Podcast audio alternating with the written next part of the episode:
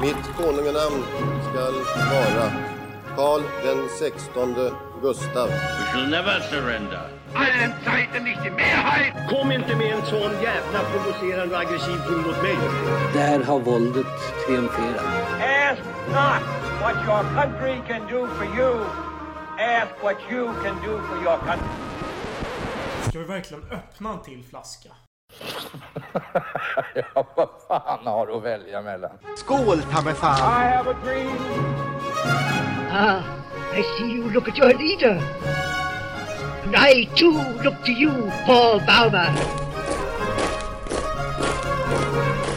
It's one small step for man, one giant leap for mankind.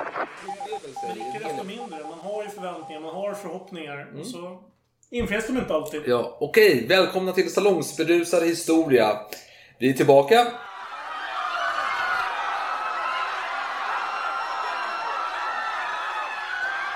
Vi ska prata om fransk historia igen.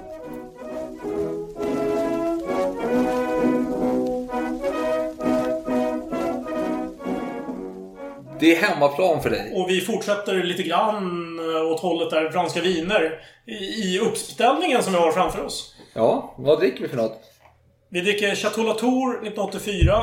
Vi dricker en Vanborga Neptuni 2013. Och vi dricker en eh, Legenda Primitivo di Mandura... Mandoria? Ja, och då, då kommer frågan direkt. Vad gör ett öländskt vin här och ett italienskt vin? Öländskt vin, jag vet inte varför, men det är kul. Vi var lite skeptiska mot svenskt vin eh, för något avsnitt sen. Vi var lite kritiska, lite oförskämda. Men vi är positivt överraskade denna gång med säga. Mm. Lägre alkoholhalt, positivt kanske för detta vin. Lite lättare att hantera en bra Ja, blandning lite, för... Lite lägre svårighetsgrad för, för att briljera med lite lägre alkohol. Och i- ja. Italienarna är tvärtom lite starkare, 15%. Precis, lite svårare. Mm. Men jag tänkte innan vi kommer in på ämnet så har vi lite vin att diskutera här. För Ja. det, ni kanske hörde i uppställningen så nämndes namnet Chateau Latour. Och det är Mm. ju inte vilket vin som helst. Nej, det är det inte. Det är... Det är ett vin som har anor från 1300-talet. Det Mm. finns dokumentation på att Pont, herren och Castillon, tillät en välbärgad familj att bygga ett fort. Och denna familj lät bygga det första tornet på den här egendomen. Och det, det här var ju inte samma torn som avbildas på etiketten då, men det är samma egendom. Och den hamnade hos eh, familjen Segur. Där det fanns en markis, Nicolas Alexandre de Segur, som startade vad man kan kalla för den moderna eran för den här vinproducenten. Okej. Och strax innan han dog, tidigt 1700-tal, så köpte han Chateau Lafite också. Annat känt namn. Eh, Och hans son köpte vad som skulle bli Chateau Mouton Rothschild. Oj, oj. Vid den här tiden då, 1700-talet, då ägde alltså den här familjen tre av de fem högst klassificerade vinerna i regionen. Och då kan man fundera, jaha, vad är vadå klassificerade? Ja, då måste vi komma in på det. Klassifikationen kom till under Napoleon III år 1855. Och bakgrunden är följande. Det var en exposition i Paris 1855. Tänk typ så här världsutställning. Eh, och då ville kejsaren eh, Napoleon III ha en fullständig lista över alla viner från Bordeaux-regionen. Uppdraget hamnade till slut i alla fall hos en organisation för vinhandlare. Som efter två veckors betänkande då skickade den här listan. Och den innehöll fyra stycken viner av högsta klass. Fyra, inte fem, för Mouton Rothschild var från början rankad som andra klass. Okej. Dock inbördes inom andra klass så fick den en särställning. Eh, så där reviderades den 1973 och då blev de befordrade. Ja. Ja, det är ett 50-tal viner eller liknande som hamnar i olika klasser. Och av någon anledning så bestod den här listan bara av viner från Medoc-området. Förutom vinet Haubrion. Som är från eh, Grave. Oklart eftersom det finns eh, många välkända viner utanför det här området. Men det var vad de här vinhandlarna hade kommit överens om. För du har ju österut Lite suspekt ändå. lite suspekt. Jag Lite tror att det är mutor som är inblandade kanske. mycket möjligt. Österut så har du Saint-Emilion med viner som Cheval Blanc, Chateau Angelus, Ozon och så vidare. Ja, ja. Stora namn. Söderut eh, har du ju Chateau Pape Clément, bland annat, som vi har druckit här Ja. tidigare. Eh, en 82 var det väl. Den är tydligen den allra äldsta vingården i Bordeaux. Okej. Från, det började plantera druvor där till 1300, år 1300. Ja. Så det finns eh, mycket att säga om det. Okej, vilka var de här fyra vinerna som är högsta rankingen? Jo, vi kan ta dem i ordning. Det är inte så många namn. Vi har Chateau Lafite Rothschild. Vi har Chateau Margaux. Vi har Chateau Aubryon. Och vi har Chateau Latour. Men om vi ska börja röra oss närmare dagens ämne så i början av 1700-talet, medan vår huvudperson fortfarande lever, då var Chateau Latour redan ett välkänt namn. Och vinet ansågs som ett av de bästa från Bordeaux. Mm, mm. Så att nu vet vi att eh, det här var ett känt vin. Men drack Solkungen vinet själv? Ja, vill jag Jag skulle påstå. säga nej, men ja. Man vet aldrig. Han kanske har fått någon batch. Smakat någon gång. Ja, för Solkungen, han eh, drack i början av sitt renskap vin från eh, champagne. Rödvin då. Mm. Kanske Dom Perignon där som populariserade det hela eh, lite grann. Ehm, men han hade en livmedikus, Fagon. Ja. Som var med honom he- hela vägen fram till hans död faktiskt. Som eh, beklagade sig över att det här vinet innehöll för mycket syra och inte var bra för kungens hälsa. Nej, nej. Med magsmärtor och allt vad det kan vara. Precis. Så han eh, började lansera så burgundiskt vin istället. Ja. Han sa så här att ja, men det är mildare och det är lite mer andligt. Mm, mm. Jo, det... Så, Milt var det minst sagt. Och vi... Solkungen, han, han var ju en vän av religion och så. Han var ju lite ortodox kan man säga. Så han, han gillar ju det här och... Han var lite katolsk. Ja, katolsk. Det är det jag menar. Lite konservativt katolsk. Ja, jo, jo, vad fan. Lite. Ja, ja, vi Alltså, kommer in på fan, Ja, ja, ja. Nu vi inte... Kalvinisterna fick inte ens vara Nej, kvar vi i kommer in på det sen. Ehm, De tillät ju folk att våldta, eller bosätta sig i ja, hem hos... eh, dragonaderna tänker du på. ja. Men vi, vi tar det sen. Ja, okej. förlåt. Eh, vi pratar vinare... Vid, pratar vinare. vi pratar vinare om viner här. Ehm, och då kan man tänka, okej, han drack burgundiskt vin. Drack han Romane Conti kan man fråga sig. Nej. Nej, för den, vid den här tiden då ägdes eh, vingården av familjen de Kronenburg. Mm. Som jag inte tror har någonting att göra med franska ölmärket Kronenburg faktiskt. För det, jag tror att det är olika saker. Han hade inte fått sitt nuvarande namn ännu, för det var ju först 45 år senare när Solkungens son, son äh, dotter, dotters son, eh, prinsen av Conti, köpte egendomen. Ja, ja. Men Solkungen, han var en öppensinnad man. Han drack andra viner också. Han drack vita viner. Eh, under hans regenskap så erövrades ju Alsace där i mitten på 1600-talet. Och då fanns det ju mycket Gewürztraminer eh, i den regionen. Och det här vinet det hade rykte om sig att ha varit ett bra potensmedel. Och kungen han eh, hade ju aptiter av olika slag. Minst sagt. och eh, för att citera honom själv så hade han en stark benägenhet att missbruka saken. Det vill säga det här vinet. Ja. Och det andra också, uppenbarligen. Mm. Ska vi röra oss mot lite dystrare marker här? Nu ska vi komma till dagens ämne. Det handlar ju om hans död. Precis. Solkungens död. Men lite dystert är ändå att vi sitter och dricker en Latour här. Och eh, jag vill inte vara jätte negativ klingande, men det känns lite som den här vinprovningen i Paris 76 när amerikanska viner vann över franska viner. Ja, det var ju franska domare där också. Ja. Jo, de har ju bjudit, de in de här amerikanska vinodlarna i generationer innan. Och de, amerikaner de drack ju sockrat jävla bordsvin innan. Så det var inget hot mot fransmännen. Så fransmännen tog in dem och visade så här gör man riktigt vin. Och sen gick amerikanerna hem och bryggde. Eller bryggde. ja, det är lite fel. Nej, men de, eh, de odlade, skördade och producerade bra vin då, uppenbarligen.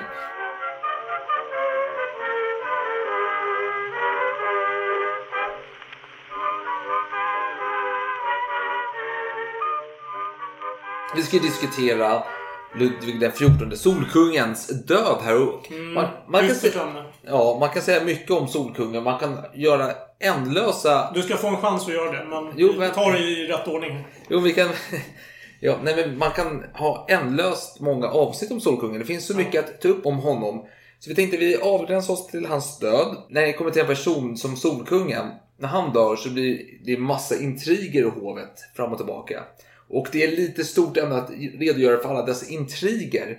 Så vi försöker skrapa ner det lite och bara redovisa för hans död mer eller mindre. Utan att gå in på allt för djupt i intrigerna. Nej, det blir ju såklart lite, lite bakgrund och lite summering, men det går ju som sagt inte att. Nej, men- fördjupa sig. Och den 5 september 1638, ja men då föds denna Ludvig på en söndag utav alla dagar på veckan. Mm. Och eh, Efter många års eh, barnlöshet. för... ja precis, den 13 Så det är ett mirakel. Ja, han är ett mirakel och han föds på en söndag, solens dag, solens tecken. Han kommer senare i livet ta fönstret eh, mot soluppgången. Bara, bara en sån sak. Han gillar solar. Han gillar solar helt enkelt. Och eh, för att rättfärdiga att vi sitter och dricker ett italienskt vin denna dag så har vi ju faktiskt den person som kom att styra Frankrike många år. För även, alltså Ludvig den XIV blev ju kung vid fyra års ålder. Och eh, trots att han var kung så var det inte han som styrde utan det var en Mazarin som styrde, Mazarinen. En eh, italienare som hade, han var kardinal till Mazarin och han var ju inte, alltså vet du, han var inte prästvigd utan han hade fått sin titel på andra vägar. Och dels påvligt eh, diplomat, hamnat i Spanien, eh, vart diplomat där, kommit till franska hovet till slut. Man kan säga att han är en arvtagare till Richelieu som var Ludvig XIIIs eh, kardinal. Richelieu som drog dit Mazarin till Frankrike då. Och För han tyckte han gjorde så bra ifrån sig. När han medlade med spanjorerna. Eller för spanjorerna. Och i alla fall, han hade ju ihop det, sägs det, med Ludvigs mamma. Anna där då. Ja, men, men Ludvig hämnades väl, eller vad man ska kalla det, med eh, Mazarins eh, brorsdotter. eller vad det var. Ja. Men, men. Mazarin var inte far till Ludvig, för han var ju i Italien. Nej, Eh, Han var inte i Nej, Frankrike. för då hade ju pappan dött. Ja. Det var ju då de fick ihop det då möjligen. Precis. Eh, Ann av Österrike, som Ja. spanjorska på något sätt. Ja. Ja, Men, konstigt. men Mazarin var en av Frankrikes mest hatade personer. Han är en av Frankrikes mest... Eller han var ju Frankrikes rikaste person också Ja, ja, han var ju fifflare. Ja, han hade ju en järnhand över eh, riket och han och eh, Ludvig den XIV, Ludvig den XIVs mor då, de styrde mer eller mindre riket åt Ludvig. Just det, men det var ju lite ge och ta på något sätt i och med att han stärkte ju monarkin samtidigt som han berikade sig själv då. Men det var ju på bekostnad för de här äh, adelsmännen. Ja, precis. Och det var sen, de som hatade honom. Och sen kommer det här, vi har nämnt det förbifarten flera gånger i flera avsnitt från den, alltså Mm. inbördeskriget. Där även kungens nära och eh, kära Mm. stred för kungen för att sen byta sida till eh, adelsmännen. Sen, det var väl Conti tror jag som gick över till spansk tjänst. Stor, ja, den stor Condé. Ja, Condé. Som är, Så var det. Och det är roligt är att Ludvig är mer känd för att eh, han hade nio ammor. För att han hade tydligen så han fötts med två framtänder, eller två tänder då. Vilket gjorde att ammorna inte var så långvariga när oj. det är någon svensk diplomat som skulle hem om att kungen har eh, vet du, rovinstinkter när han ammar. Och eh, det finns en amma däremot, hon är kvar i tjänst tills kungen är 50 år gammal. Hon blir adlad för det här. Hon sitter inte och ammar honom hela vägen men hon har en sån här nära relation till honom. Ungefär som Churchills eh, nanny hade med honom. Platonsk eh, vänskap eller kärlek eller vad man nu kan kalla det för. Men i alla fall, 23 år gammal så dör ju faktiskt eh, Mazarin. Fantastiskt. När han var 23 år gammal. ja, när Ludvig var 23 år gammal. Inte Mazarin. Mazarin var mycket äldre än så. Men återigen, Mazarin är en så här klassisk italienare. Han har dragit dit lite kultur till, till Frankrike. Precis som eh, Medici gjorde tidigare också. Och eh, när han dör blir det tomrum i landet. Någon måste ta hand om finanserna. Då har vi en lirare, Fouquet tror jag han heter. Ja, okej. eh, han var en riktig jäkel. Han har ju upplärd utav Mazarin då att kunna fiffla med pengar. Ja, han blir ju sedermera fängslad. Precis, för han, är, han, är, han tar ju efter som den rikaste personen i Frankrike. Ja, det, det är väl ganska lätt att inse att den som är rikast i Frankrike är förmodligen mest korrupt i Frankrike Jo, men det är så. Som finan- ansvarig över finanser så får du ju ta lite egen ficka. Det hör ju till så att säga. Och eh, Det är som att ge en eh, lokalpolitiker eh, makt över hur mycket pengar som helst. Mm. Du vet att det kommer fifflas. det kommer fifflas och det fifflades. Och han hade ju faktiskt, han anordnade en fest eh, för 3000 personer i sitt nybyggda slott. Och då hade han bjudit in Lally då, som var hovkompositör och Ja, ja, ja. Molière och hela kittet. Och kungen fick komma dit. Lulin ska vi lyssna lite på sen. Ja, Lully, fantastisk. Eh, Mer om honom sen. Begravningsmusiken också. Men det här slottet, det var ju mycket finare än Fontainebleau som eh, kungen bodde på. Och de har apelsinträd och hela kittet och det var fyrverkerier och feststämning. Till slut blev man ju gripen. Kungen kunde beslagta alla hans apelsinträd, om inte annat. Det måste man ju ha. Det, det låter lite som... eh, Man får ju en flashback här från eh, när vi pratade om Gustav III. Ja. Att han blev avundsjuk på lite finare slott. Slott, jo, precis. Ingen ska ha finare slott än kungen. Nej, så är det. Och eh, en tid därpå så började kungen bygga Versaillesslottet då. Som var en lustslott från hans fars tid. Mm. Jaktslott. Jaktslott, precis. lustslott, Ja. Och det var jag vet inte riktigt- exakt vad skillnaden är där. De, Nej. man förlustade sig medan man jagar. Ja. Eller om det var jakten som var lu- förlustelsen. Det går ofta hand i hand för adeln om vi säger så. Men i alla fall, hans mor dör eh, några år senare. Och hon är den sista som har sin hand på konungen om man säger så. Nu tänker folk att nu kan kungen göra lite som han vill. När han inte styr över sin mor eller Mazarin längre. Nej, jag blir lite olustig här. I och med att du pratar så mycket om, om hans liv. Jag, jag känner att vi, det, det kan vi inte prata om. Nej, nu, nej. nu måste vi hoppa Ja, men vi ska till, till hans död. Men jag vill bara nämna lite här förbifarten. Ja. Och när Mazarin dör då och hans mor sen också dör så säger ju kungen att alla beslut ska gå igenom honom. Man ska inte göra saker på fri handling utan han ska godkänna allting som sker och han ska ha kontroll. Och han är ju lite skygg för adeln. Han hatar ju adeln mer eller mindre tack vare från det Eh, i, i kriget. Så det kungen gör då, när han bygger Versailles, han, får, han lockar ju in adelskapet i ett hovliv. Som är väldigt detaljerat uppstyrt. Han får med dem i teaterpjäser, han dansar balett själv, han blir solkungen med alla. Han är ju solen. Han, Är man inte på Versailles så har man inget socialt existens. Man får inga bra befattningar egentligen som adelsman. Så att alla rika och mäktiga adelsmän ser ju till att vara där. Ja. Han skapar ju den här etiketten som gör att det blir väldigt tydligt vem som är gunstling. Just att de får vissa favörer, de får göra vissa saker med kungen. precis. Eh, Jag kommer komma in på det sen när vi börjar prata om hans död. Ja. Men fortsätt du. Ja, nej men och, och bara eh, lite rolig sidoanekdot det är att Versailles är ett slott som är öppet mer eller mindre. Du måste ju kunna vara välklädd och fara och så vidare. Men man, han, kungen har gjort egna så här guidade turer. Han guidar inte själv, men han, han har skrivit så här. Hur, här ska du uppleva min trädgård och så ska du gå hit och dit och titta på de här apelsinträden då, som han har. Som är stulet av. Ja, ja, precis. Nej, men, och eh, Versailles, de har ju ett, det är ett extremt övervakningssystem på Versailles. Det är tusentals bostäder i Versailles. Man uppmuntrar folk att bygga bostäder i närheten och i slottet. Man får olika våningar fram och tillbaka. Hur kommunic- kommunicerar man på den här tiden? Jo, det är via brev. De har en hel avdelning som läser breven som går ut. Så det är Stasi. Verkligen, det är Stasi. Så på det här viset har han ju full koll på sina värsta fiender. Som är adeln då. Ja. Om man vill hårdare. Ha- Ha dina nä- vänner nära men dina fiender närmast.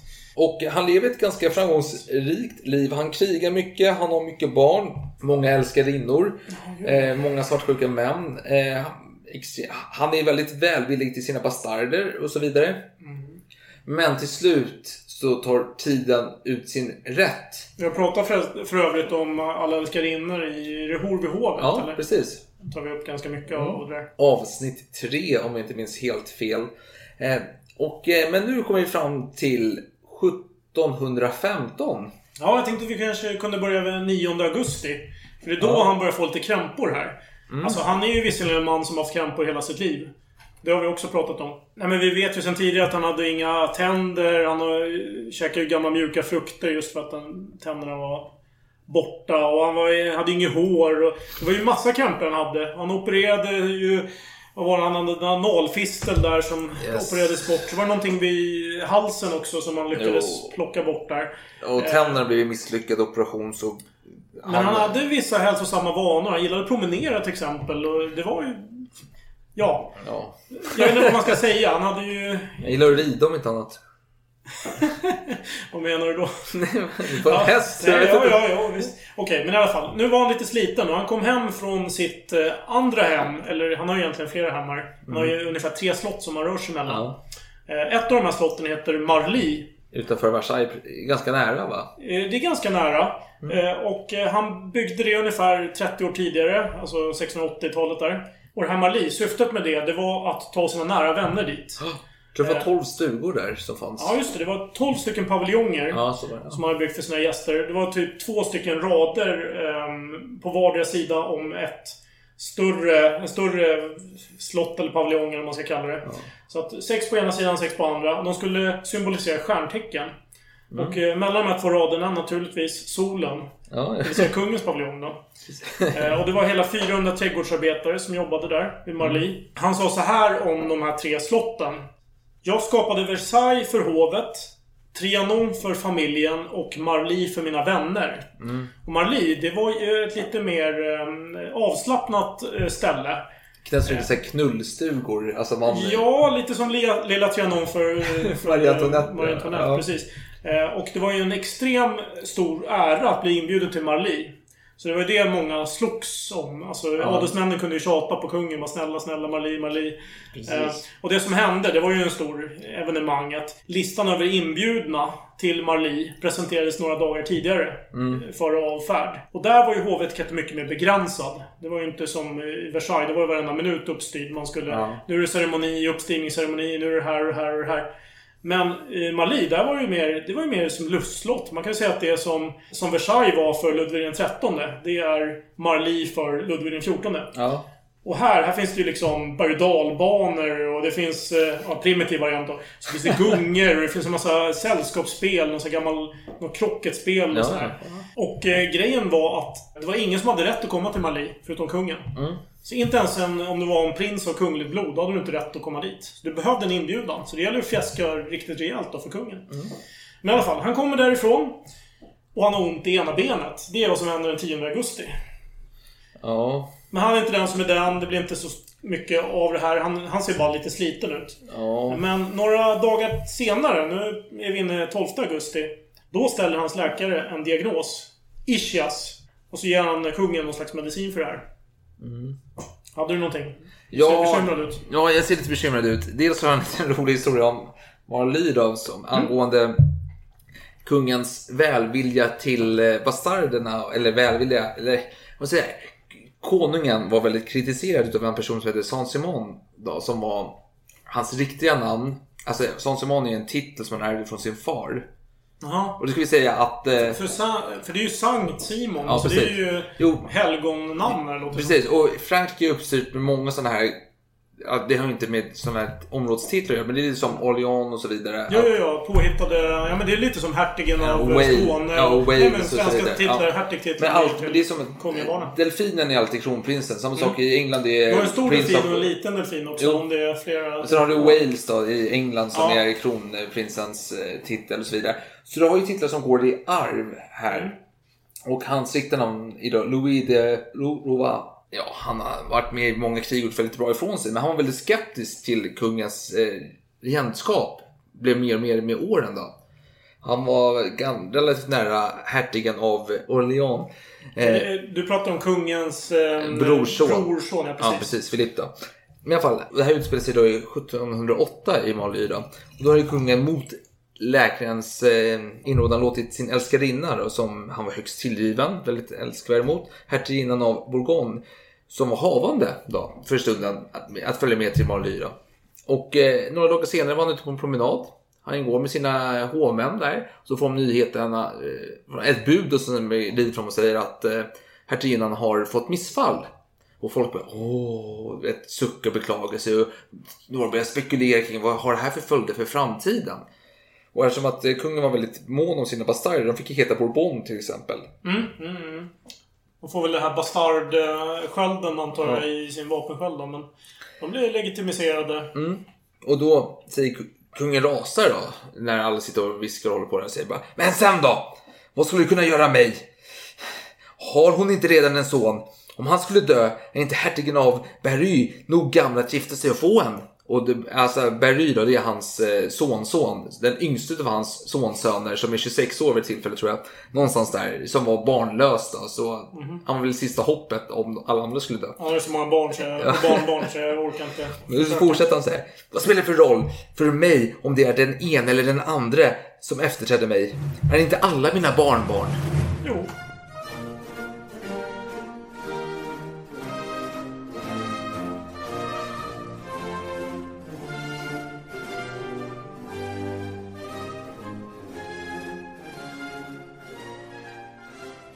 Läkare och omgivning börjar se att eh, Ludvig börjar bli sjuk här. Alla förutom en då, Lee Medicus Wagon, som eh, enligt Saint-Simon då, den här ob- observatören, sa så här. Att han hade åldrats mycket både till kropp och själ och var den enda bland dessa i den närmaste omgivningen som inte märkte något. Och Vargon då, han var ju en av de främsta, eller han var ju den främste läkaren i hela Europa. Han var ju eh, top notch då. Mm. I status. Lite, kanske lite för top notch. Han var lite bortskämd över att han var den bästa. Vet, Han har fått lite attityd här att Han är som Tegnell det går bra i statistiken. jag vet inte fan. Det är för så för dig. Men i alla fall. Men eh, en annan läkare, första kirurgen då, Marshall, han har lyft ämnet flera gånger med eh, Fagon då, och sa så här, men ser du inte han är sjuk? Men han blir alltid så här, Fagon bara, äh, tyst, tyst, det är ingen fara med honom. Ja. Förnekelse.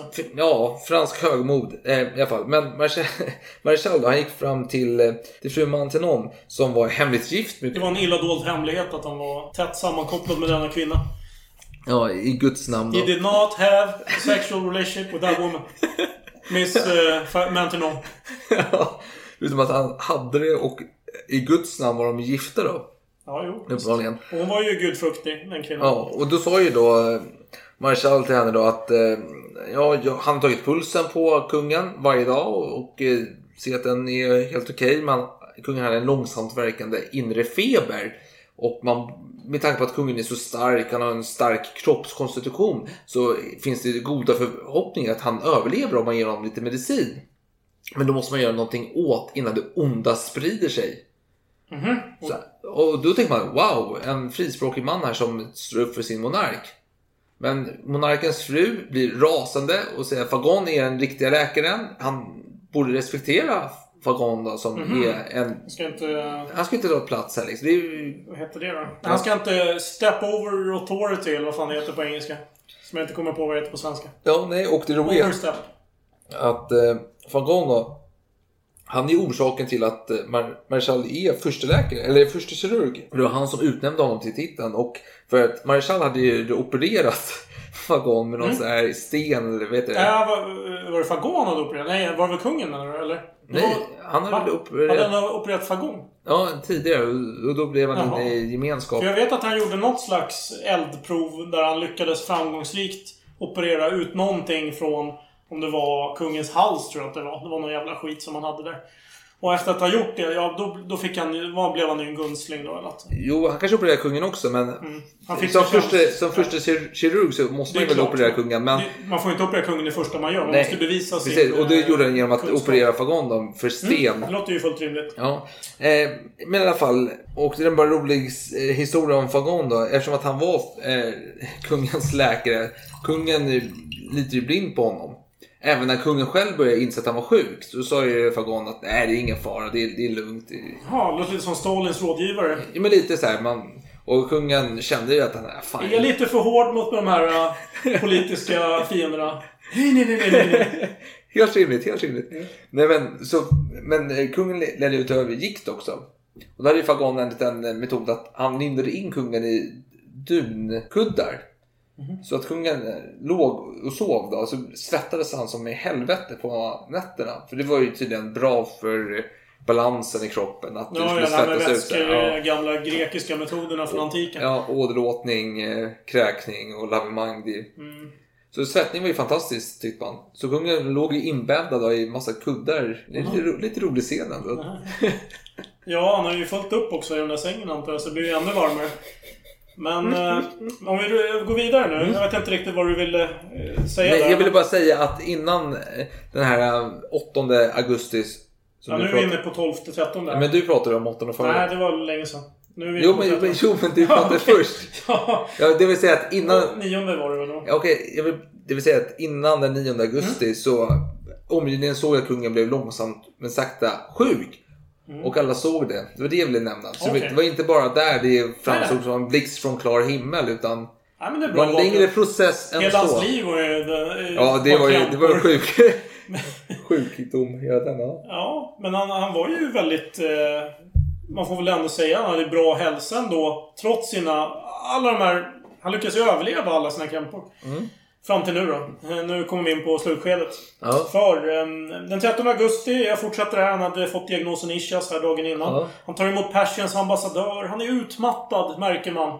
Ja, Och nu, och de kommande två veckorna här, då märker man att kungen äter dåligt. Mm. Han är ju en man känd för sin aptit. Ja. Han har ju de här, vad var det, dubbla uppsättningen tarmar eller vad man snackade om där vid obduktionen. Ja, Och, och stor aptit både Stor på mat och kvinnor och mycket annat. ja. Eh, Men nu försvagas han här under den här eh, tiden. Och eh, när han inte blir bättre då, då, då måste man ju hitta någon annan. Man kan inte bara lita helt blind på Fagon när, när kungen är döende här, känns det som. Nej. Så man kallar dit eh, läkare från Paris medicinska fakultet. ja. Eh, Fyra stycken herrar där som eh, bekräftar det som Fagon redan har sagt. Att det är Ischias. Jag säger det hela bunden. Precis. Och Fagon, som är en sann läkare av sin tid, han fortsätter då ordinera saker som plåster indränkta i träolja och sprit. Och eh, bad i åsnemjölk. För det är bra grejer. Ja, det låter ju trevligt med åsnemjölk. Men på tal om åsnemjölk. San Simon då, han eh, beskriver lite hur kungens aptit varierade under denna tid. Då. Och eh, han berättar att kungen, som du nämnde tidigare, gått från champagne till bourgogne. Men det var inte ren bourgogne, utan det var ju hälften blandat eh, med vatten och eh, vinet var så gammalt att det var avslaget. Så när utländska dignitärer kom på besök så ville de ju dricka det kungen drack.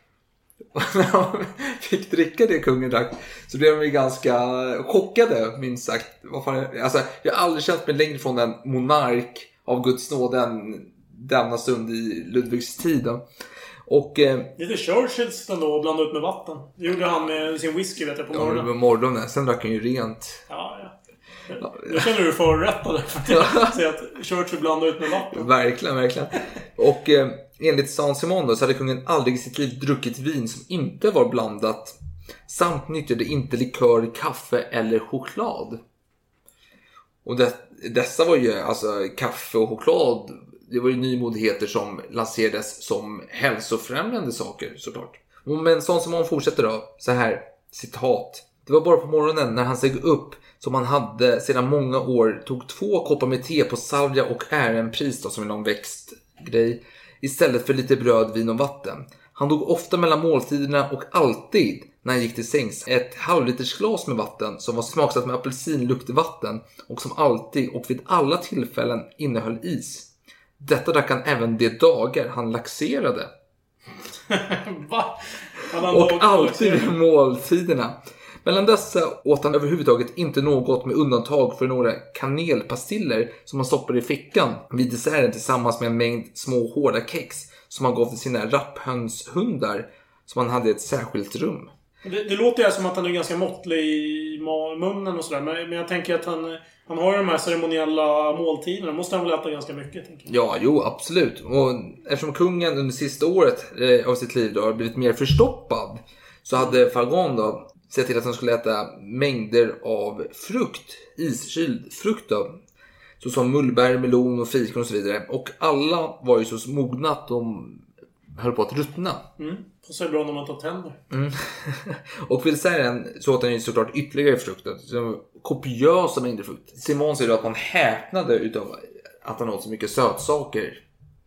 Och, då, och sötsakerna var inte bara frukt, det var ju tårta och så vidare också som han åt. Franska bakverk. Oj, gott. Och eh, Simon fortsätter då. Året runt åt han vid supén en otrolig mängd sallad. Hans soppor som han åt eh, morgon och kväll, flera sådana. En stor mängd av var och en utan att tycka över den andra. Var rika på köttsaft och utomordentligt starka. Liksom allt det man gav honom innehöll åtminstone dubbelt så mycket kryddor som han vanligen smaksatte mat med. Och hans mat var även i övrigt mycket stark. Och, Ingen fjomp här. nej, nej, och Fagon uppskattade ju inte detta att han åt sån här mat. Nej, Nej. Han, jag tyckte ju champagne, rödvinschampagne var alldeles för syrligt. Lite, ja, bubblade för mycket i hans mage. Så han, eh, han gjorde grimaser åt kungen när kungen inte såg. Ja. Man yppade ingenting. Men sen gick han ju till eh, de som hade ansvar för eh, födan då, Livry och Benoit. De svarade och sa ja det är deras sak att föda upp konungen. Och det Fagons sak att purgera honom då. Ja. Lite snärtig kommentar. genom eh, skön laxermedel. Ja, precis. Och Simon fortsätter då att, att eh, kungen under sommaren 1715 hade ätit så mycket frukt att det översvämmade magen, avtruppade matsmältningsorganen och berövade honom hans aptit. Som citat. Aldrig hade svikit honom under hans liv, trots att han aldrig vare sig var hungrig eller kände behov av att äta. hur sent än omständigheterna ibland tvungit honom att äta middag. Och eh, han fortsätter sen då. Vid de första skedena, soppan inställde sig aptiten. Det har jag hört honom säga själv flera gånger. Och han åt så enormt mycket och så kraftigt morgon och kväll. Och därtill på samma sätt varje gång. Och så mycket frukt som inte kompletteras med någon sprithaltigt. Fick hans blod att fördärva genom att livsandarna försvagades. Och blodet förtunnades av de nattliga svettningarna som påtvingats honom. Och detta blev orsaken till hans död. Så han åt för mycket frukt och för lite alkohol och svettades för mycket. Det är det som är diagnosen här. Och det är Fargon som är skyldig där som att Fargon satte på honom duntäcket. Och man, han avslutar sen då med att när man öppnade honom så såg man ju att eh, termerna och allting var i prima skick. Att han hade kunnat bli minst 100 år gammal. Okej. Mm. Mm. Ja. Kommer vi kanske prata om det igen sen. Ja. Precis. Men i alla fall, eh, det är så långt att eh, Fargon fick sova i kungens rum. Jaha. För att kungen hade så ont på nätterna och han hade svårt att sova på nätterna. Och Fargon konstaterade då efteråt att det var ingen feber, det är lugnt. Det är ingen fara här på taket. Han är, är lite ont bara, men det, det går vidare. Men nu börjar saker och ting förvärras här, får man säga. Mm. Det händer någonting där den 24 augusti. Mm. Då har vi nämligen eh, den här Georges Maréchal som vi tidigare pratat om. Mm. Han kungör då att den här ischiasen som är den tidigare ställda diagnosen i själva verket är någon slags kallbrand eller ischemi. Det vill säga syrebrist i vävnaden orsakad av en blodpropp. Mm. Och att läkarna inte kan göra någonting åt det här. Nej, de såg handfallna. Och, och kungen, när han hör det här, då vill han ha en amputation. Av, för det är benet då som är problemet där. Det har fått svarta fläckar och en massa elände. Yes. Läkarna avråder med tanke på hans ålder och hur pass långt gånget det är. De tror ju helt enkelt inte att det kommer hjälpa, så de gör ju en rejäl kovändning här. De går ju från ischias till att nu är du dödligt sjuk. Det är anmärkningsvärt. Och eh, vid det här tillfället då så eh, säger kungens svägerska, den tyska prinsessan Elisabeth Charlotte, följande. Konungens sjukdom skrämmer mig till den grad att mitt hjärta darrar. Ja. Känns ju hovligt ändå. Och kungen, när han nu förstår att det finns ingen räddning. Som den dramatiker han är, så ska han då iscensätta sin egen död Ja. i tre akter. Ja. Den första akten är den kristna döden, som handlar om eh, bikt och förlåtelse. Mm. Vid närmsta prästerna. Ja. Akt nummer två är den kuriala döden. Då hovet ska komma förbi hans säng och eh, ja, säga adjö. Mm. Och sen har vi slutligen den politiska döden. Då kungen ska instruera sin arvtagare, den femåriga sonsonsonen och blivande kung Ludvig den femtonde. Son, son, son. Ja. Men inte den förstfödde sonsonsonen heller. Den delen. Många som dör. Eh, Det var ju tre stycken kronprinsar som dog inom loppet av 11 månader. Och det var ju också Philippe de Orléans som anklagades för att ha förgiftat dem. För han fick ju bättre position för varje död som skedde. Och Ja, han, visst, han har ju en bra position nu vid det här tillfället. Absolut. Och han kommer ju även också regera en stund innan Han blir förmyndarregent kan man säga för Precis. den unge. Men du säger tre akter där och det är lite kul för några dagar tidigare så var ju kungen vid gott mod då innan de upptäckte de här svarta fläckarna. Han hade ju planerat för att han skulle eh, klä sig, han hade en ny dräkt han skulle eh, ha på sig när han kunde klä på sig själv. För alltså, han var lite slapp de här dagarna innan. Han, han hade nattrocken på sig när han bars in till sin frus rum då när han roade sig med henne och damerna i rummet. Då. Och eh, den här morgonen till den 25, en söndag då, augusti, då allt skulle vara som vanligt. Dagsschemat skulle vara orört. Det var inga undantag här. Så att varje morgon skulle oboister och pukslagare stå utanför hans fönster och spela musik när han vaknade. Och sen skulle en 24-mannad stråkorkester vara i förrummet och spela lite sakral musik där medan han höll på där. Och eh, så var det ju upp den här morgonen. Men sen på kvällen så började kungen bli jävligt dålig. Och man började bli orolig. Han- Han var riktigt risig för att vara ärlig. Och Saint Simon då som... han är inte främmande för att stå och tjuvlyssna i, utanför rum. Han råkar ju då vara utanför när detta sker och har. Att man börjar tillkalla fader som en hund. och konungen eh, för att ge konungen bikt då, samt kardinal de Rohan att de skulle komma till platsen. Och då, Saint Simon då, han är anti Ludvig den 14. Eller han är skeptisk till Ludvig den 14. Så han springer direkt in till hertigen och hertiginnan utav eh, Orléans Han är fortfarande royalist eftersom han uppenbarligen... Absolut, Ja, absolut. Så, okej. Och eh, hertiginnan hon låg ju med migrän i sängen så han bara, du, kungen håller på att dö. Och hon bara, nej, han är ju och lyssnar på musik, det är ingen fara, det är, det är helt okej, det är ingenting som sker här. Så hon trodde ju inte på honom. Men hertigen då, Filipp, han trodde ju på det. Och så sa han så här, men vet du vad, det är nog bäst att stanna här för jag är inte efterfrågad. Det är suspekt om jag kommer rusande in till kungen här när han håller på, ligger på dödsbädden. Och eh, varje kväll skulle den här stråkorkestern stå och spela för kungen också. Men de har ju förberett sig, ställt upp sina notställ och partiturer och stämt sina instrument för att lira lite skön sakral musik här på kvällskvisten. Men de fick ju packa ihop, de fick order och säga, men skit, det är inställt. Det är ingen spelning ikväll. Kungen är inte intresserad. Ja. Så de fick... Eh, Det börjar hända saker. Det Ja, börjar stängas ner saker. Ja. Det börjar skickas bort. eh, De här kurtisanerna skickas ju bort också. Mm. Efter ett tag. Nu, nu pratar vi slutet av september. Eller förlåt. eh, Nu pratar, nu, nu pratar vi slutet av augusti. Ja, absolut. Och eh, kungen eh, han biktade för fader Tellier och eh, Rohan då, kardinalen. Mm. Han har en, ett viktigt ämbete då. Den högste allmose... Vad heter det? Stora allmosegivaren av Frankrike.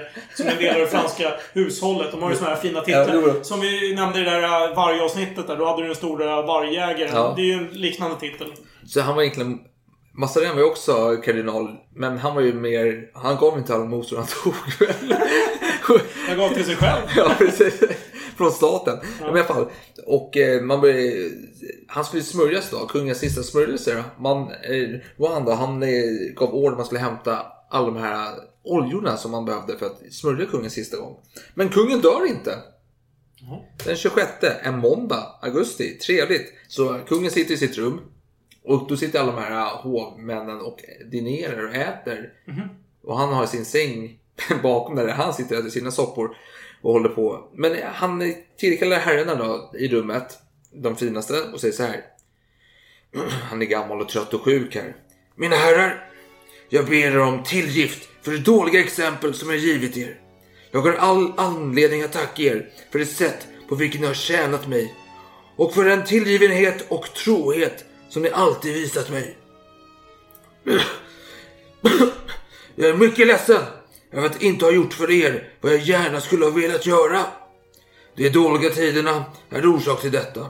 Jag ber för min sonson, son, att ni visar honom samma nit och trohet som jag fått åtnjuta av er. Han är ett barn och kan komma att uppleva många motgångar. Må ni vara exempel för alla mina andra undersåtar. Lyd befallningar som min brorson kommer att ge er. Han kommer att styra riket. Jag hoppas att han kommer att göra det väl. Jag hoppas också att ni alla bidrar till att endräkt råder och att ni, om någon bryter mot denna, hjälper till att återföra honom. Jag känner att jag håller på att bli rörd och att jag också gör er rörda. För det, för det ber jag om förlåtelse. Farväl, mina herrar. Jag räknar med att ni ibland kommer att minnas mig.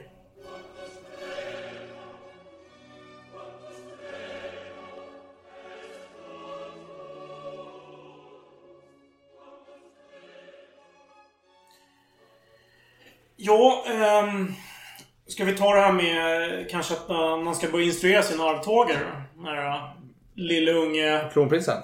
Ja, li- lilldelfinen där. Eller han är väl stor delfin kanske vid det här laget. Nej, han är ju ganska liten. Han är ju liten, men han är ju kanske tit titulärt så är han väl stor delfin i och med att han är arvtagare. Ja, absolut. Ja, absolut. Fast det finns ju ingen lilldelfin vid det här laget. Nu kommer vi in på såna här pedantiska detaljer. Ja. Men, han är ju kanske fem år vid den här tiden. Det är ju en blivande Ludvig den 15 då.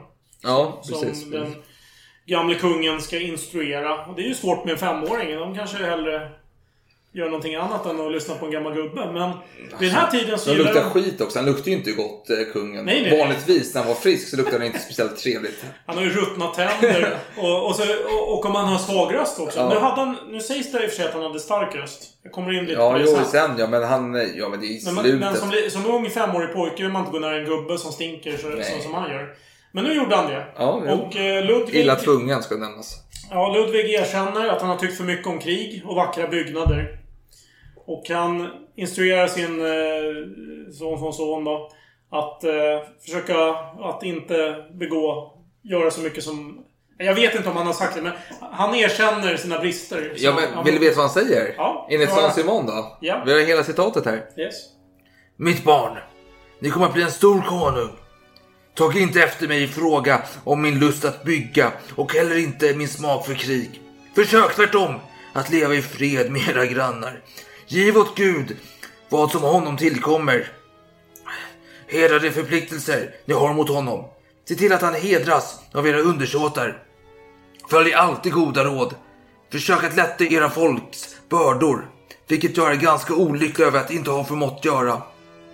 Glöm inte den tacksamhet ni är skyldig fru deventador, min fru. Och så vänder han sig då till frun då och ler lite pillemariskt eller kåt. Fan vet jag vad han. Han, han är på dödsbädden. Och så säger han, han till henne. Låt mig omfamna honom. Och i detta så tar han ju tag i prinsen. Mm, intressant att du säger att, att, att den här frun är där. För vad jag har förstått så har ju hon lämnat honom där eh, tillsammans med kurtisanerna tidigare. Nej, nej, nej, nej, Man nej, nej, någon- nej, nej, nej, nej, nej. Intressant. Nej, Jo, de har gått, de, jo, men han kallar tillbaka henne. Ah! En twist. Ja, det gör han. Hon, hon har precis kommit fram till det andra slottet. Så enor, han, han yrar ju på kvällarna. Han sitter bara. Mantinon, Mantinon, vad fan heter. Jo. Kom till mig, kom till mig. Och så hon tvingas ju tillbaka. Och det är lite roligt för han säger en komplimang till henne sen då. Som hon inte svarar på. Nej. Eller sånt som hon. Det är typ att du sen löst citerat att det är min lycka att med tanke på din ålder så kommer vi snart mötas igen. Herregud. Ja, Men, i alla fall. Men han tar tag i eh, sonsonsonen då. Eh, Ludvig. Vilken jävla kommentar. och säger så här. Eh, Kära barn. Jag, jag ger min välsignelse av hela mitt hjärta. Och så bär man bort ungen då. Och så, han bara, jag kom tillbaka, ge, ge mig ungen igen. Och så lämnar han tillbaka ungen till honom då. Och han, han osar ju rutt- förruttnelse här. Alltså, han är, det är som att han varit, det blir som att han varit död i tio dagar här och hans kropp bara stinker. Som, man tänker sig att han är som en berusad alkoholist på en parkbänk som liksom kallar till sig folk. Bara, "Åh, Lyssna på mig nu, jag har visdomsord att säga. Ja, och så, så tar han tag i honom och välsignar honom och tittar mot, eh, upp mot himlen. Då, hans tak där det är väl en jävla avbild utav solen och Gud och ja, ja, Apollo och Jupiter och allting. Och så håller han händerna upp och "Åh, välsigna, du har eh, hans namn. Och så håller han på sådär. Och så skickar han iväg honom. Det var ju skit. Kul. Ja, det låter väldigt mycket som fashion tänker jag. Alltså just den här sista orden och rösten. Det var mycket Ja, men vad fan. Tänk på fashion äldre där. Frankofiler. Ja. Jag har bara en röst för alla. Det. Nej, men det var lämpligt. Och en annan liten komisk sekvens som utspelar sig onsdagen den 28 augusti då, när han ligger jävligt sjuk och dålig. Han pratar med fader Tellier också om sina bikter, eller sina synders förlåtelse fram och tillbaka. Då ser han i takspegeln att två kammarherrar står och gråter en bit bort. Och då säger han då till dem att Varför gråter ni? Trodde ni att jag är odödlig?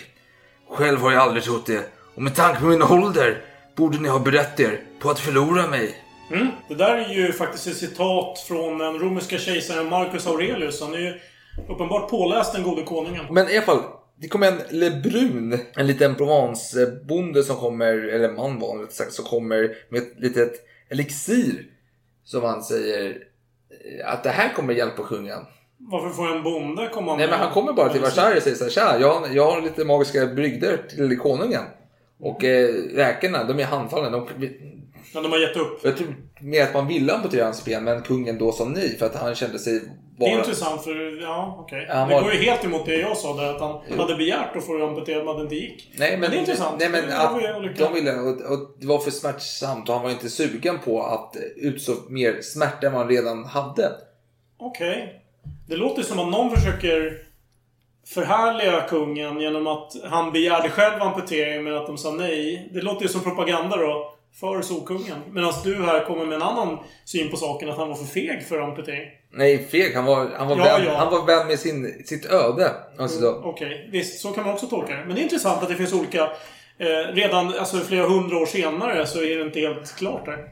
så det man gör då det är att man eh, ger kungen den här eh, medicinen då som Lebrun... Lebrun Den brune. Lebrun, vad säger man? Ja, den brune. Le- Lebrun. Lebron. Lebrun. Lebron. Bran. Bran. Bra. Bra. Bra. Bra. Lebron. Ja. Lebrun. ja, precis. Det är det du sa. Lebron. Fast, kung, fast kungen var inte den som var den. Han lät ju även eh, borgerliga människor få eh, titlar ibland och sådär. Eller ja, rättare sagt tjänster i, hos kungens hov. Ja. Det var ju inte bara Nej, adeln, men- även men- om han föredrog Ja adeln. men Saint-Simon han var ju kritisk till att just att man lät lågadeln Mm. få större plats än eh, den gamla adeln. Okej, så han var, han var mer Fersen-hållet där. Absolut, utan tvekan. Även om Fersen inte var den äldsta adeln i Sverige för sin tid heller, ska tilläggas. Men i alla fall, man gav det här elixiret i 10 droppar då. I ett vin från Alicante då, vid 11 tiden på förmiddagen. Och kungen kände sig bättre. Helt plötsligt. Wow! Det är som Viagra för eh, Hugh Hefner. Ungefär. Eh, men sen så dalar även den till slut. Så han blir sämre. Så man eh, bestämmer sig, ja men fan vi återupplivar honom på nytt då genom lite fler droppar. Och så blir han lite, lite bättre då. Och då ska han har sagt då, Ludvig då, när man ska ge honom de nya dropparna för att återkalla honom till livet. Så ska man säga till liv eller död, allt efter Guds behag. Och lördagen den 31 augusti eh, på kvällen då, vid 11 tiden så har man en liten ceremoni för honom, mässa. Och han ligger och sover här. Och då vaknar han ju utav denna gudstjänst eller vad man kallar det för. Och då börjar han ju, vet, han börjar haka på. Ja, han börjar sjunga. sjunga med bönen här och han har så stark röst så att han överhör sig utav alla. Alla reagerar på jäklar vilken kraftig röst han har helt plötsligt. Han har legat varit lite apatisk och halvt död i två veckor och nu så har han kraft för en kung. Ja, men han är typ Frankie Andersson liksom. Han tar i här. Precis. Och kungens sista ord enligt eh, Svan Simon var Nunc et in hora mortis. Nunc et in hora mortis. Vilket då, och sen sa han det sista till Rohan då, biskopen. Mm. Det du sa där, det betyder nu och vid tiden för min död. Precis. Det är väl en del av en psalm antar jag. Ja, då sa han så här. Åh men Gud, kom till min hjälp. Skynda att bistå mig.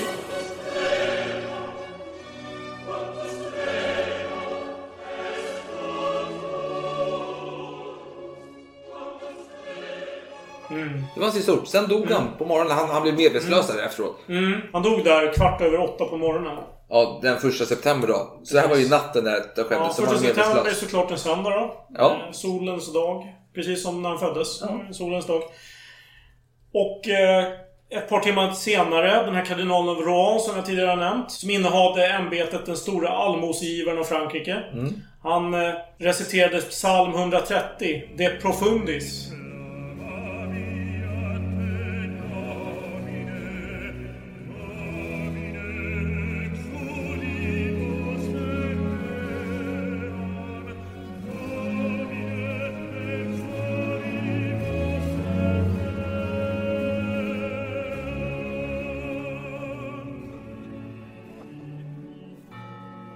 Och eh, mässor hölls till klockan 12. Och två stycken provisoriska altare sattes upp i det här rummet där kungens kropp vilar. Och man hå- håller då de här mässorna. Och dörrarna till det här rummet stängs klockan åtta på kvällen. Dagen efter, den 2 september, då är det en obduktion. Och då har du de här läkarna från Paris, de här fyra experterna som ska bekräfta Fagons diagnos som alla hade fel uppenbarligen. Eh, de är där. Eh, kirurger är där. Höga ämbetsmän är där. Och du nämnde lite om detaljer från obduktionen. Jag har inga... Nej, men magsäcken var dubbelt så stor. Tarmarna gick ja, det vet långa. Ja. Han kunde bli 100 år. Ja, han är superhälsa. Han var en supermänniska. på något sätt. Eh. Och den nya kungen, Ludvig den 15 bege sig till det kungliga palatset på Ile de la Cité, där det nutida justitiepalatset i Paris nu ligger, för att höra den avlidna kungens testamente i Paris parlament. Sen när det blir begravning, då är begravningståget cirka 27 km långt och det börjar då i Versailles och avslutas vid klosterkyrkan Saint-Denis där de franska kungarna begravs. Och för att göra en väldigt kortfattad summering av Solkungens liv. Så var han ju, trots sitt namn, inte lika upplyst som sin store fanboy Gustav III. Nej, nej, inte som drottning Kristina heller. För hon besöker ju eh, kungen och då får hon ju omdömet utav Osman att det finns inte en fransman som är mer lärd än henne. Inte ens någon på deras universitet eller Sorbonne, vad heter skiten? Mm, mm, Sorbonne. Ingen är mer lärd än Kristina. Där ser man. Eh, Men det är få människor i historien som haft storhetsvansinne som faktiskt är berättigat, vill jag hävda. Vill du? Eh, För att han har ju... Hans sonson, Filip V, sitter på Spaniens tron. Han blir porträtterad utan ironi som romersk gud på tavlor. Han har under sin levnad och sin regentskap utökat territorier.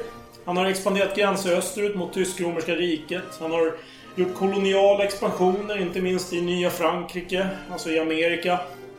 Som förvisso var grundat före hans tid, men som var så störst bara ett par år där före hans död. Det har ju enorma områden döpta efter kungen själv och Louisiana där borta. Och eh, det var först långt efter hans död, efter det sjuåriga kriget, som det mesta av det där går förlorat. Du har franska Guyana, du har framgångar så sent som 1711 i Sydamerika. Slaget om Rio de Janeiro under det spanska tronföljdskriget. Det finns mycket där att lyfta på hatten för. Eh, du har den absoluta monarkin som visserligen hans pappa Ludvig XIII införde. Men när Solkungen var barn så försökte ju adelsmännen passa på att ta tillbaka makten. Den där afronen som vi pratade om. Men det, det där krossades i det där upproret. Och eh, han har ju bara stärkt den här Han kommer, absoluta han kommer aldrig att lita på sin familj heller i eh, maktfrågor. Nej, och Han vill han, hålla på avstånd. han ogillar ju då Paris också just för att han har de här traumatiska upplevelserna från barndomen. Så han förflyttar sig därifrån. Och han föds som Louis Dieudonné, det vill säga Ludvig Gudagåvan. Han dör som Ludovicus Magnus Rex Christianissimus. Den väldigt kristne konungen Ludvig den store. Som den kristna monark som har regerat under längst tid i världshistorien. 72 år och 110 dagar. Ett rekord som fortfarande står sig. Ja, det är imponerande. har Elisabeth II då, som börjar hota bakifrån här. Hon är uppe i... Vad blir det? 68 år nu, någonting sånt. Ja, jo. Så att, eh, ja, det finns en chans här att han blir övertrumfad. Men, eh, och som vi tidigare nämnt, även solen har sina fläckar. Och i Frankrike så har ju rått en relativ religionsfrihet i landet sedan kungens farfar Henry den fjärde Hans stora idol. må så vara, utfärdade ediktet i Nantes 1598 för att avsluta de här franska religionskrigen som hade pågått under senare delen av 1500-talet. Men efter alla de här framgångarna han hade haft i krig och annat, då började Solkungen få hybris. Han var ju en kung av Guds nåde. Men Jo. det, hela det där faller ju lite på om eh, hans undersåtar inte håller samma... Eh, tro, har inte samma tro som han själv, helt enkelt. Eh, då gäller det att de ska vara med honom. Så att de undersåtar som är kättare, de eh, är ju ett problem. Att, Det var eh, ju inte det för Henrik den fjärde. Men Nej, men han, fast han har ju hybris nu den här mannen. Ja. Så att eh, då börjar han ju... Då börjar han trakassera sina protestantiska undersåtar. Och det här nämnde du tidigare, de här så kallade dragonaderna. Då han lät dåligt disciplinerade dragonsoldater övernatta i protestantiska hushåll. Och mer eller mindre uppmanar dem till svinigheter mot värdarna och stjäla från dem och annat. Ja, Svin, de, de fick ju våldta utan straff. Det var ju... Det var ju som om man ville tvinga, tvinga hugenotter att konvertera till eh, katolicismen. Eh, men det hela eskalerade ännu mer då med det här Fontainebleau-ediktet. Ja. Eh, Ett edikt alltså en kungörelse från 1685 som innebar att kungen i praktiken drog tillbaka alla de här friheterna som hans farfar hade genomfört då, med ediktet i Nantes. Eh, Så nu var det, skulle man beslagta kyrkeegendomar och annat och i praktiken jagar man ju bort, eh, enligt honom själv, uppemot nästan en miljon eh, hugenotter. Alltså kalvinister. Som flydde utomlands. Så det var ju lite smolk i bägaren kan man säga. Men Det är en mångfaciliterad person. Vi nämnde det här med att eh, han eh, tvingade kalvinister, att- eller hugenotter att eh, konvertera. Och det var ganska hemska metoder, vidriga metoder som gick ostraffat förbi då för att göra detta. Men en eh, annan rolig historia... Men för att, ge en, för att ge ett annat mynt på sidan skulle tilläggas när han var i krig då, så var det ju att det var en fråga om man skulle bränna ner någon by eller inte. Och han var, hade väldigt beslutsångest över detta. Och tänkte, vad fan, nej men ja eller nej. Så kom hans eh, krigs, vet det, minister, eh, vad, vad fan han nu hette. Och tänkte så här, men jag ska lätta kungens samvete. Så jag säger att "Ja, det är ingen fara Ludvig. Vi har redan skickat iväg en eh, kurir som, ska säga, ge ord, som har fått order att de ska bränna ner den här byn. Och det var någonting med kungens älskarinna som hade något intresse i den här byn. Hon kom väl från den då. Det var i, i Tyskland någonstans. Hon ville bränna ner byn. Nej, hon ville inte göra det. Jaha. Men orden gick att bränna ner den. Ja, precis. konstigt. För de tänkte att eh, egentligen borde vi göra det för vi fransmän, vi gillar att bränna ner byar som fransmän gör. Men Ja, som alla gjorde på ja, den tiden. ja, fransmän framförallt. Nej, Ja men, 1600-talet. ja, Ja, ja. men då sa han, sa han det till kungen. Vi har skickat en kurir, vi lättar ditt samvete. Det är redan gjort liksom. Mm. Och då blev Ludvig så rasande så han tog någon så här eldgaffel och började attackera den här ministern, krigsministern. Så då, det var väl hans älskarinna eller fru, fan det var, som fick stoppa honom. Mm. Och så här, fan håller på med? Slå inte ihjäl honom då. Och då blev han så här, du gör inte om detta. Om något händer i den här byn så kommer ditt huvud lossna. ja. Hedersam man. Och då, han hade inte skickat en kurir den här mannen. Han ville Nej. bara få kungen att bli ansvarsbefriad. Jaha, Eh, så pass. Ja. Och, försökte hjälpa kungen. precis, men den här krigsministern dog ju kort tid därpå. Då, ganska ung. Oförklarliga anledningar. Ah. Misstänkt förgiftad som alla andra i Frankrike på den här tiden. Ja, men jag känner mig ganska klar om kungens död. Ja, men ja. Det, det, det finns för mycket att säga, men eh, om jag ska försöka citera Alexander den store. Det är för mycket för alla, men... Nej, det är för mycket för mig att prata om, men det är för lite för alla att höra. What? Nej, jag vet inte. När Alexander store var i öknen med sina Ja, soldater. jag vet. Jag har tagit det intro till Karl XII. Ja, ja. Men Då förstår du min poäng. Ja, jag förstår. Jag vet inte riktigt vad jag, hur jag ska uttrycka det. Jag är för berusad. Ja, nej men tack för att... Tack för denna kväll Alex. Det var jättetrevligt att ses igen. Ja, tack. Och... Eh, skål för lite Chateau Latour och lite Vanborga Neptuner. Ja, nej. Men det var kul att prata om Frankrike igen. Det ska vi inte göra nästa gång vi ses. Lite Frankrike kanske det blir, vem vet. Men ja, vi återkommer om det. På återseende. God afton. Skål. Hej då. Jag vet inte vad fan ska jag säga. Hej då. Skål igen. Vad fan, jag, jag känner att jag borde säga någonting.